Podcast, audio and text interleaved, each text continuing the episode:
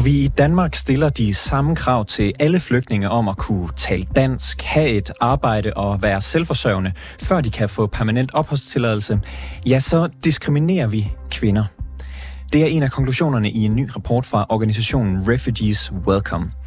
De danske regler tager nemlig ikke højde for, at flygtningekvinder ofte har mindre uddannelse, mindre erhvervserfaring og tjener færre penge end flygtninge mænd. Reglerne er lige for alle, men kvinderne de er bagud på point. Så skal vi forskelsbehandle flygtninge for at få ligestilling? Det spørger rapporterne om i dag. Velkommen til. Mit navn det er August Stenbrunen.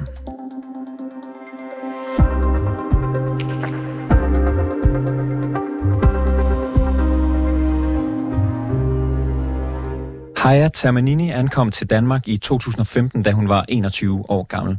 Hun flygtede fra Syrien alene og har nu taget en uddannelse som bygningskonstruktør i Danmark. Haya Termanini er en af de kvinder, som optræder i rapporten fra Refugees Welcome, og jeg talte med hende tidligere på dagen om, hvordan hun er lykkes med at få uddannelse og job i Danmark. Jeg havde en gymnasium fra Syrien, da jeg kom, men øh, ja, faktisk da jeg ankom, fordi jeg var i øh, solcentret for ni måneder i øh, Tistel, og bagefter jeg blev placeret i Horsens, og den jobcenter ansvarlig, eller den øh, vejleder, øh, sagde til mig, at øh, jeg vil øh, starte med F, nej, ikke FVU, VUC, og højskole igen, og så videre. Og jeg var okay, men jeg, jeg har hørt om, at der er universitet på engelsk, og jeg kan, jeg, jeg kan tale engelsk fluende. Og hun fortalte mig, at nej, du kan ikke gå til university, fordi du skal lære dansk først.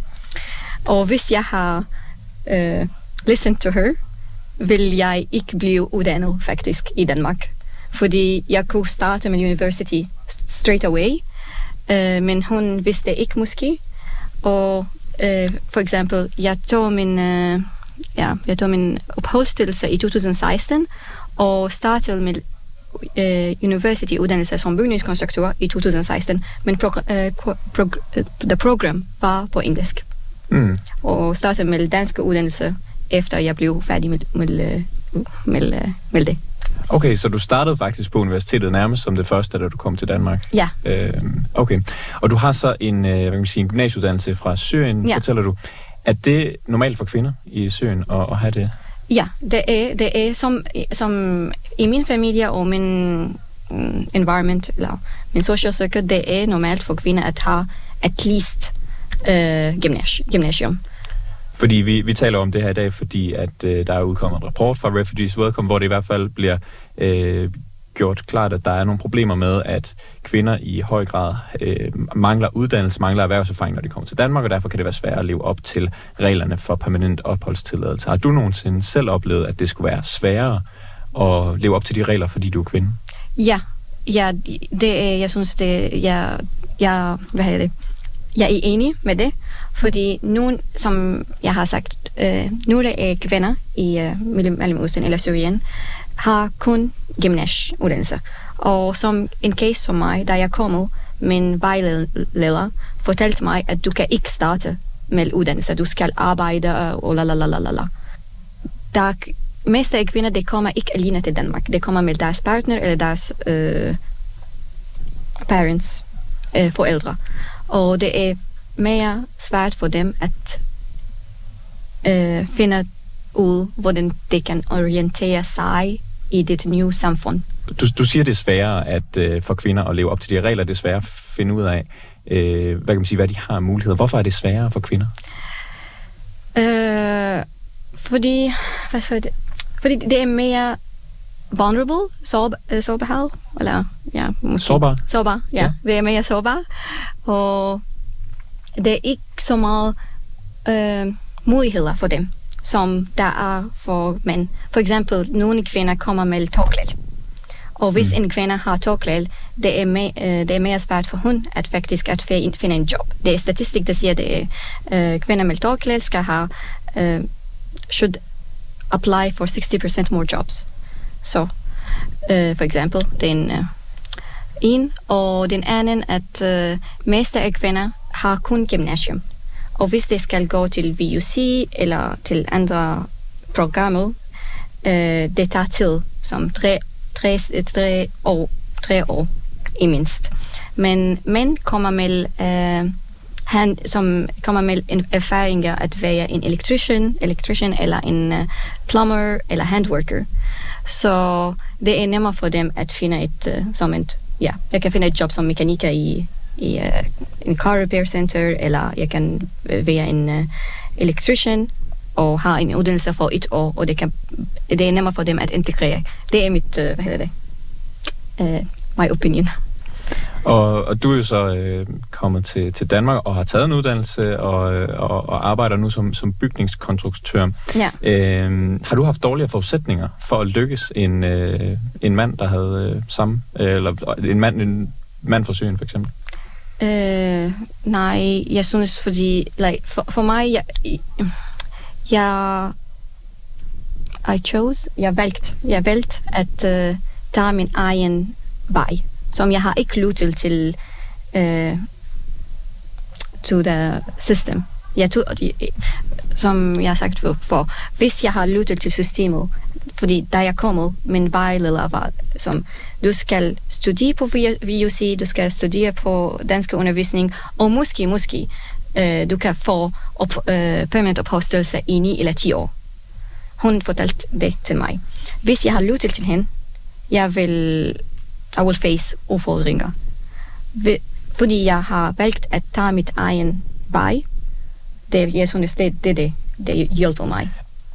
I 2021 der er det blevet opgjort, at der er blevet tildelt i alt 11.515 permanente opholdstilladelser i Danmark.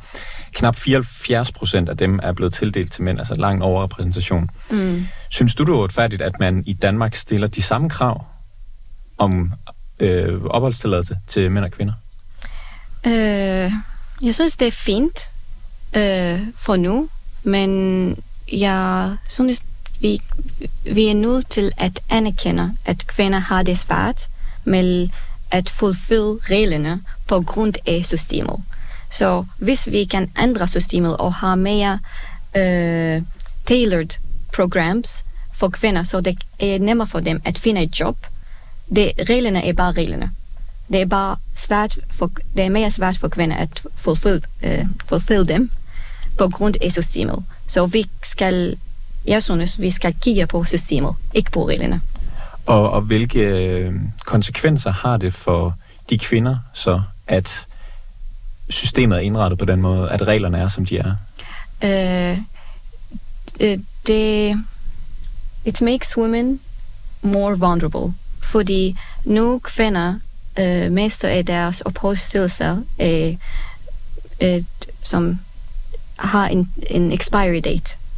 Så det it, it forces women to be an attachment to a man, fordi mest af mænd i Danmark har den politisk øh, opholdstilladelse, har det mere permanent, permanent opholdstilladelse. Så kvinder er nu, jeg kender mange kvinder, der tænker 100 gange over, hvis det skal forlade deres partner på grund af reglerne. Fordi okay, nu jeg har været med min partner for den og den år, men hvis jeg forlader øh, ham, hvad, skal, hvad sker til mig? Skal jeg blive sendt tilbage? Kan jeg finde et job? Hvad, øh, hvad, hvad vil ske med, med min øh, fremtid? Så det er meget bekymring. Og det øh, placerer kvinder på en sårbarhed øh, situation. Ja, så man kan sige, at nogle kvinder bliver måske i parforhold, de ikke har lyst til at blive, bliver i familier, de ikke har lyst til at være i, alene af den grund, at hvis de smutter derfra, så, ja. øh, så kan de miste deres opholdsgrundlag i Danmark. Ja, ja lige præcis. Eller det skal syge asyl igen, og det er en længere proces, og ja. Burde man så have forskellige krav, simpelthen, til mænd og til kvinder? Øh, ikke på den måde. Jeg synes, det er vigtigt at starte med at høre mennesker, hvad har de brug for, uh, læser det rapport, uh, Refugee Welcome har lavet, og at uh, vi, vi, vi skal anerkende, at vi har forskellige kulturer, og det er ikke en dårlig ting. Det er bare effekt, som vi skal arbejde med. Hvis vi, uh, vi er nødt at ændre kravene, måske vi gør det, men det er mere vigtigt at overveje krav. Og der er jo også den udfordring, at kvinder øh, vel i højere grad tager øh, sig af familien, tager sig af børnene. Ja, ja. Også, øh, også, ja. Er det noget, man skal tage højde for, mener du? Når man, ja, for eksempel, for eksempel min, øh, nogle kvinder er hjem og passer barn og passer øh, hjemme, og det er en fuldtidsjob. Og det, det er også som, hvis en kvinde vælger at være en husmor, vi, vi er nødt at respektere det. Uh, hun kan dansk, hun kan arbejde måske part-time, og hun vil gerne være med hendes børn. Hvorfor vi skal, nej, du skal ikke passe barn, fordi det, det vil jeg ikke. Uh, så jeg synes, vi er bare nødt til at, okay, det er ikke uh, black and white. Det, det, there is many cases. Og, og it's personal from a person to a person. Så vi skal bare overveje, hvad, skal vi, hvad, hvad har vi faktisk? Er det reglerne, er det krav, er det vores forståelse af, af deres kultur, eller hvorhen ligger den uh, udfordringer? Hej, Tamanini. Tak for snakken. Tak fordi du har lyst til at komme i studiet. Uh, tak, tak for invitationen. Krav, som man skal leve op til for at få permanent opholdstilladelse i Danmark, er diskriminerende over for kvinder. Reglerne er helt de samme for kønnene, men måske burde det ikke være sådan. Det er en af de pointer, som du, Michael Bendiksen, øh, kommer med i en ny rapport fra organisationen Refugees Welcome. Ens regler for alle er diskriminerende. Hvordan hænger det sammen? Det er ikke fordi, jeg synes, vi skal have særlige regler for kvinder. Det er fordi, jeg synes, man burde indrømme et, indrette et system, sådan så alle har øh, den samme chance for at leve op til kravene ud fra de forudsætninger, de kommer med. Os, der er vokset op her i Danmark, vi har jo de samme forudsætninger som drenge og piger. Men det har man jo ikke, hvis man er vokset op i for eksempel Somalia eller Afghanistan. Så har man som pige slet ikke haft de samme chancer. Og så er det klart, det er meget sværere for en at lære et nyt sprog og at øh, få et fuldtidsarbejde og alle de ting, som der kræves i dag.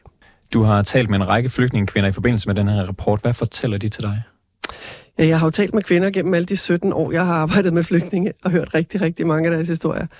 Og det har været tydeligt for mig lige fra starten, at, at kvinderne har en ekstra øh, udfordring. Det er altid svært at være flygtning.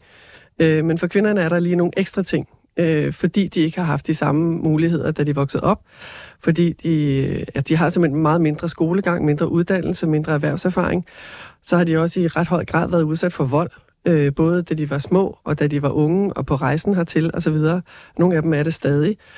Øhm, deres rejse hertil har været meget farlig tit, øh, hvis de ikke er kommet som familiesammenført, hvis de er kommet som flygtninge selv, så har de oplevet nogle rigtig forfærdelige ting undervejs. Øhm, og når de så kommer hertil, så har de stadig et meget stort ansvar for børnene i forhold til, hvad, hvad mændene har, også i forhold til danske kvinder. Der er rigtig mange af dem, som står alene med adskillige børn, og det er jo øh, tidskrævende og gør det svært at, at have et, øh, et fuldtidsjob eller lære dansk på fuld tid og hurtigt. Så på mange, og så, jo, så deres juridiske situation er jo helt anderledes. Øh, og det er jo sådan en, en utilsigtet, uheldig konsekvens af asyllovgivningen internationalt. Det er ikke de danske regler sådan set. Det, det er noget, der er generelt, men som Danmark godt kunne rette lidt op på. Øhm, at stort set alle flygtninge, der er det mændene, der kommer øh, og får asyl, og så, og så kommer deres koner som familiesamført senere. Og det vil sige, det er manden, der har grunden til at være i Danmark, og konen er så en slags bagage til ham. Så hvis hun forlader ham, eller hvis han forlader hende, det kan jo også ske, så bliver hun faktisk sendt hjem, eller hun risikerer det i hvert fald, og det er hun bange for. Hun er også bange for at miste børnene i den forbindelse. Øhm, så rigtig mange kvinder har ikke deres eget opholdsgrundlag. De er her på grund af nogle andre, enten deres øh, forældre, deres far, eller deres øh, ægtefælle, eller deres børn. Og man kan jo se, at øh, knap 74 procent af de flygtninge, der fik tildelt permanent opholdstilladelse i Danmark i 2021, var mænd. Er det fordi, der er flere mænd, der søger, eller er det simpelthen bare fordi, at mænd har nemmere ved at opfylde kravene? Jeg synes, det er nogle ret rystende tal, de der. Øh, især hvis man ser på stigningen fra 2011, hvor det var næsten lige mange, der var det nogle af 40 procent af kvinderne. Og nu er det så kun en fjerdedel af kvinderne, eller altså, som er kvinder, af dem, der får permanent ophold.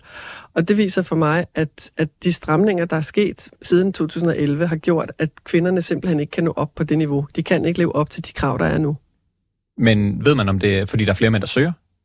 Nej, altså de tal, jeg fik, de, dem fik jeg kun i forhold til, hvem der havde fået det tildelt, så jeg ved ikke, hvor mange der søger. Men jeg kender mange, altså jeg, jeg hjælper jo i vores rådgivning, hjælper vi flygtninge med at ansøge øh, og forklare dem reglerne osv. Og der er helt klart flere mænd, der henvender sig til os og beder om, om hjælp til at søge end kvinder. Øh, jeg tror, at rigtig mange kvinder udmærket godt ved, at de kan ikke leve op til kravene endnu. Og man søger jo ikke om noget, der koster næsten 5.000 kroner i ansøgningsgebyr, hvis man ikke føler sig rimelig sikker på, at man kan leve op til kravene. Og hvad er det for nogle krav, kvinderne typisk ikke kan leve op til?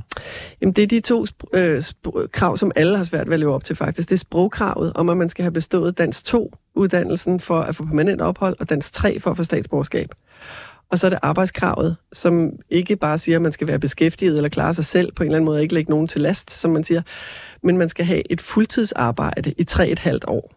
Og rigtig mange af de kvinder har jo øh, deltidsarbejde, hvis de har et arbejde. Det har danske kvinder jo også i langt højere grad, end mænd har. Så på den måde, øh, på, på begge måder rammer det kvinderne. Det er svært for dem at leve op til kravene. Det er svært for dem at have et fuldtidsarbejde. Og det er også svært for dem at bestå dansk 2 og dansk 3, fordi at de har haft mindre skolegang i deres hjemland typisk. Og det er jo ikke noget, man selv vælger, hvilken dansk uddannelse man tager. Den bliver man ligesom øh, indstillet til af en lærer, som, som undersøger, hvad man har kunnet i sit hjemland. Så, så det er jo ikke kvindernes egen skyld, at de, at de ikke gider at tage dansk 3, som mange har den opfattelse.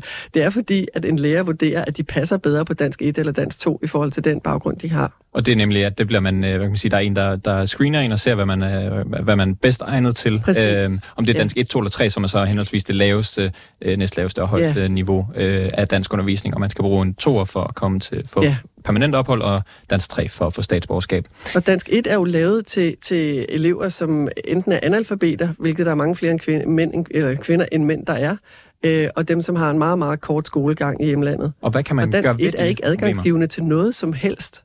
Så det vil sige, hvis man ikke har fået lov til at gå i skole som barn, så kommer man aldrig til at få en permanent opholdstilladelse i Danmark. Det synes jeg er en utrolig grov øh, diskrimination af, af folk, som har haft en uheldig baggrund. Medmindre man selv betaler for det, vel? Nej, det har ikke noget at gøre med betaling, fordi øh, det er jo en professionel vurdering fra læger, at altså, hvis, du er, hvis du har været analfabet hele dit liv og kommer hertil som voksen, så har du ikke en chance for at komme op på dansk 2 eller dansk 3 nogensinde. De tre danske uddannelser, de er parallelle, de er ikke fortløbende. Så man tager en afsluttende eksamen, efter at have gjort sit bedste for at leve op til, til alle modulerne i dansk 1, og så har man taget sin dansk eksamen. Og hvad så kan man nået så, så langt, som man kan. Og så hvis, øh, ja, nu ser vi så det her problem, du siger, der, der kvinder har svært ved at leve op til kravene. Hvad kan man gøre ved det problem? Jeg synes, det er helt indlysende, at alle de tre dansk uddannelser, fordi de er parallelle, og fordi det ikke er noget, eleven selv vælger, hvilken dansk uddannelse man, man starter på, så synes jeg, det er helt indlysende, at de alle tre skal være adgangsgivende på samme niveau. Fordi det, det siger jo ikke noget om, hvor, hvor, hvor ihærdige de mennesker har været. Det siger kun noget om, hvilken baggrund de har haft med sig hjemmefra, da de kom. Og derfor skal de jo ikke diskrimineres, heller ikke mændene. Skal man ændre på de objektive krav, der er i dag for at få øh, opholdstilladelse? Altså skal man sætte lavere krav for kvinder? Ikke for kvinder, men hvis man sætter nogle rimelige krav for alle, så vil kvinderne have nemmere ved at leve op til dem. Kravene er simpelthen så høje nu, så, så de er over kvindernes niveau.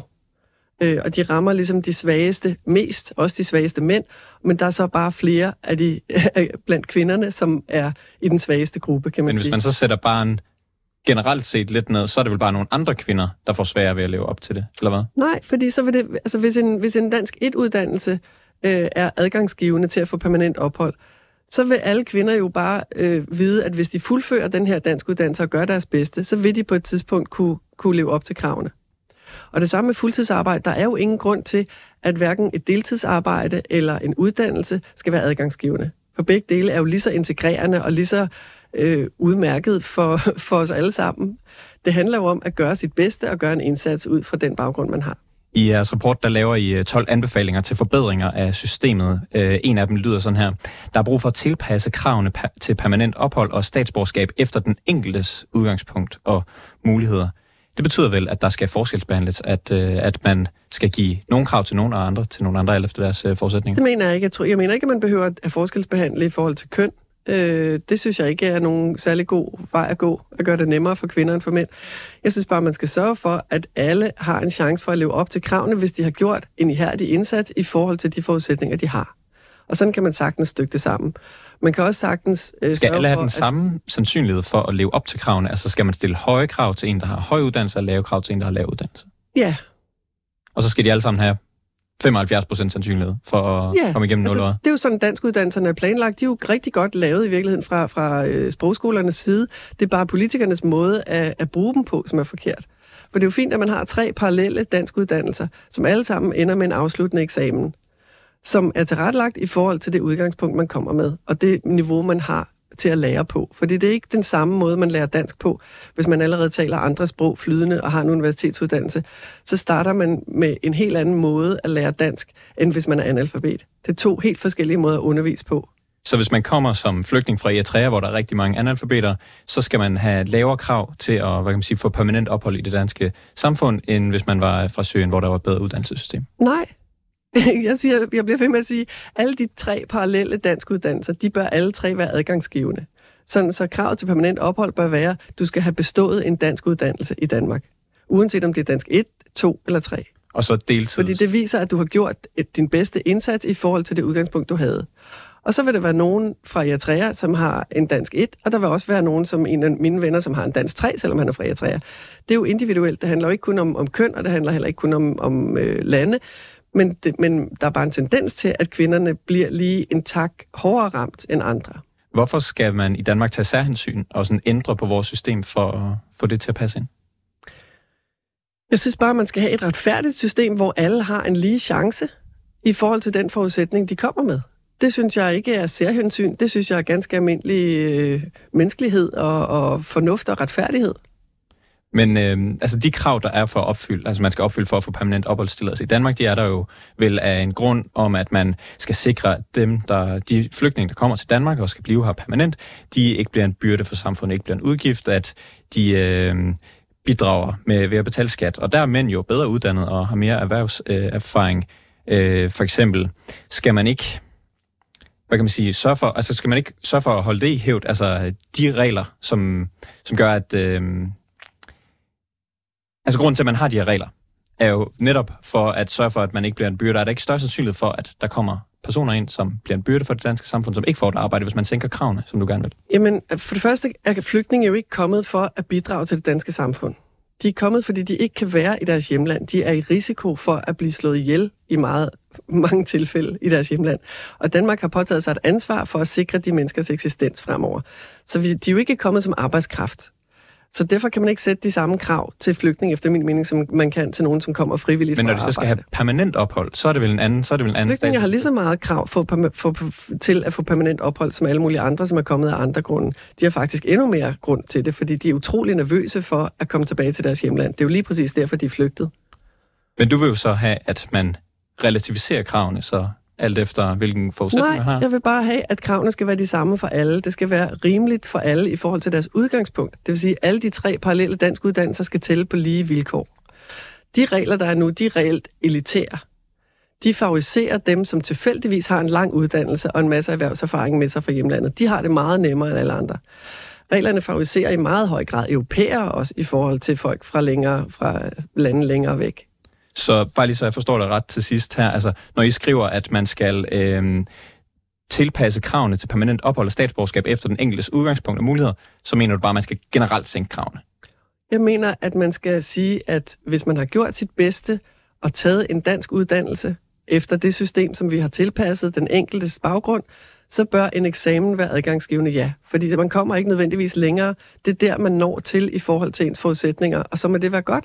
Det handler om, at folk har gjort en indsats, og, og altså det her med at lægge samfundet til last, altså for det første er det lidt en, en mærkelig diskussion, når det handler om flygtninge, for de er ikke kommet for at bidrage. De er kommet fordi, at vi skal beskytte dem. Men man, kan, man behøver ikke nødvendigvis at lægge samfundet til last, fordi man har en meget kort uddannelse. Og det blev det sidste ord. Michael Bendiksen, formand for Refugees. Velkommen. Tak fordi du kom i studiet. Selv tak. Karen Nielsen Brejdal, du er lektor ved Aalborg Universitet og har forsket i sociale rettigheder og rammerne for medborgerskab i den danske velfærdsstat. Er det lettere for flygtninge mænd end for kvinder at få permanent opholdstilladelse i Danmark?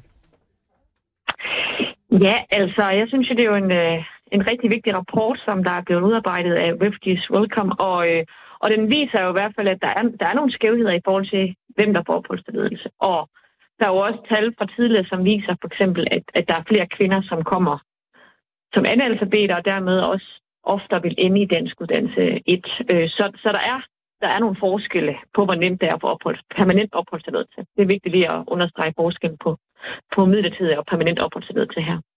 Michael Bendiksen, hun øh, siger jo også, at der er det her med, at når vi ser, at der er så mange flere mænd, der får op, permanent opholdstilladelse, så er det ikke kun, øh, så, så handler det også om, at der er virkelig mange kvinder, der ikke engang søger, fordi de ved, at de ikke har øh, de adgangsgivende krav, for eksempel dansk 1. Er det også din opfattelse?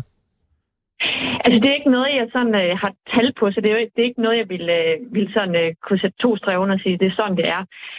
Men, men man ved jo fra alle mulige andre øh, test og så videre, det er også statsborgerskab, at, at hvis man ikke er der til at opfylde kravene, jamen så, så søger man jo heller ikke. Så, så der er i hvert fald øh, nogle gode argumenter for, at, at det, det har betydning. I 2011 der var der 43 procent af de flygtninge, der fik permanent opholdstilladelse, der var kvinder, og i 2021 var andelen faldet til 26,3 procent. Er det fordi, der kommer færre kvinder til Danmark, eller hvad skyldes den her udvikling? Jamen altså igen, det, det, man skal nok have, have rodet øh, grundigt rundt i tallene og lavet nogle forskellige analyser for at kunne sige det helt sikkert, men, men der, det, jo man jo, det man jo ved, det er jo, at kravene de blev strammet, og der er jo noget, der tyder på, at øh, for eksempel det her med, at, at uddannelse ikke længere tæller som, øh, som, som adgangsgiven til at få permanent opholdstilladelse, det, det kan jo godt have betydning her. Øh, men når det er sagt, så kom der jo også en stor bølge af, af, af flygtninge fra Syrien, hvor mange af dem, der kom og fik opholdsgrundlag som flygtninge, at det var, det var mænd. Så, så det kan være svært at sige præcist, hvad, hvad der er op og ned. Men, men de her tal viser i hvert fald, at, at der er sket en, en, en markant forskydning i, i øh, kønsfordelingen i dem, der får opholdstilladelse. Ja, man ser, man ser nemlig den her øh, for, forskydning, og Michael Bendiksen taler om, at det ligesom er et øh, problem, det er meget svært for kvinder at leve op til de krav, der er. Er det, er det simpelthen bare fordi, at flygtningemænd klarer sig bedre i Danmark, end kvinder gør? Jamen altså, det er jo... Øh, altså, det var igen ud fra, hvilke standarder du taler om, men vi lever i en verden lige nu, det kunne se ud om 50 år, hvor, hvor de flygtninge, der kommer til Danmark, at der er der har kvinder et dårligere udgangspunkt for at klare sig på arbejdsmarkedet og i uddannelsessystemet, end de har i Danmark. Og dermed, når der kommer flygtninge til Danmark, jamen så, så, så vil det også afspejle sig i det. Så, så der er jo forskel på, hvilke ressourcer mænd de kommer med versus kvinder, og hvor meget uddannelse de har haft mulighed for at, at tage hjemlandet. Øh, og der er for eksempel Afghanistan jo et, et, øh, et meget illustrativt eksempel på, at øh, vi modtager flygtninge fra et land, hvor, hvor, hvor vi har været dernede og, og prøvet at lave intervention, fordi at vi vil gøre vilkårene bedre for kvinder. Og, øh, og mange af de kvinder, de er så flygtet til Danmark, og, øh, og, og de har bare ikke de forudsætninger, der skal til for at kunne leve op til kravene på samme, øh, øh samme niveau som mændene. Vil det være ligestilling og forskelsbehandle, så man øh, giver lavere krav til for eksempel kvinder og højere til, øh, til mænd? Altså, jeg, jeg tror, man skal passe meget på med det der med at differentiere regler, øh, og jeg hører heller ikke rigtig nogen, der argumenterer øh, kraftigt for det, men øh, nej, det tror jeg, man skal passe meget på med. Jeg tror, man skal gå ind og kigge på, som, som der også bliver sagt, hvad de, de regler, vi har, er de, er de rimelige? Er det nogen, man kan man kan knokle sig til? Er det nogen, man har mulighed for ligesom at, at opnå, hvis man gør sit bedste? Og der, og der er den her danskuddannelsesinddeling igen meget illustrativ for, hvad problemet det består i, at, at de her kvinder og mænd, for den sags skyld, der kommer til en kommune, efter de har fået midlertidig opholdstilladelse, de kan jo ikke selv bestemme, om de vil starte på danskuddannelse 1, 2 eller 3. Og mange af dem, der bliver placeret på danskuddannelse 1, jamen det betyder jo, at, at deres muligheder for at leve op til det her krav, de er afskåret. Øhm, så børn... og, øh, og, det er jo, altså- og det kan man jo i hvert fald, det er jo i hvert fald noget, der er vigtigt at få tydeligt gjort. Så er det jo selvfølgelig op til de politikere, som befolkningen har stemt ind og er. hvad er rimelige krav, og hvad er ikke rimelige krav. Og, og det er jo her, vi ender ud i, i det, som det her jo også handler om, at mange af de krav, vi har i, i Danmark, de er, jo ikke, de er jo ikke blevet lavet, fordi at man har siddet og gennemanalyseret, hvordan giver vi flygtninge det bedste incitament til at blive gode medborgere. Mange af dem er også lavet for at sende et signal om til vælgere og til politikere og til omverdenen om, at, øh, at, at vi, vi har nogle stramme krav. Så, så mange af de krav, der er i dag, er jo, er jo også fordi, man gerne vil sende et signal om, at det er svært at, at, at blive hængende i Danmark som flygtning, hvis man kan. Karen Nielsen, Karen Nielsen Brejdal, lektor ved Aarhus Universitet, øh, undskyld, Aalborg Universitet. Tak fordi du var med i programmet. Tak. Det var alt for reporterne i dag. Tak fordi du lyttede med. Historien i dag var tilrettelagt af Majlinda Urban Kucci. Mille Ørsted er redaktør, og mit navn det er August Stenbrun.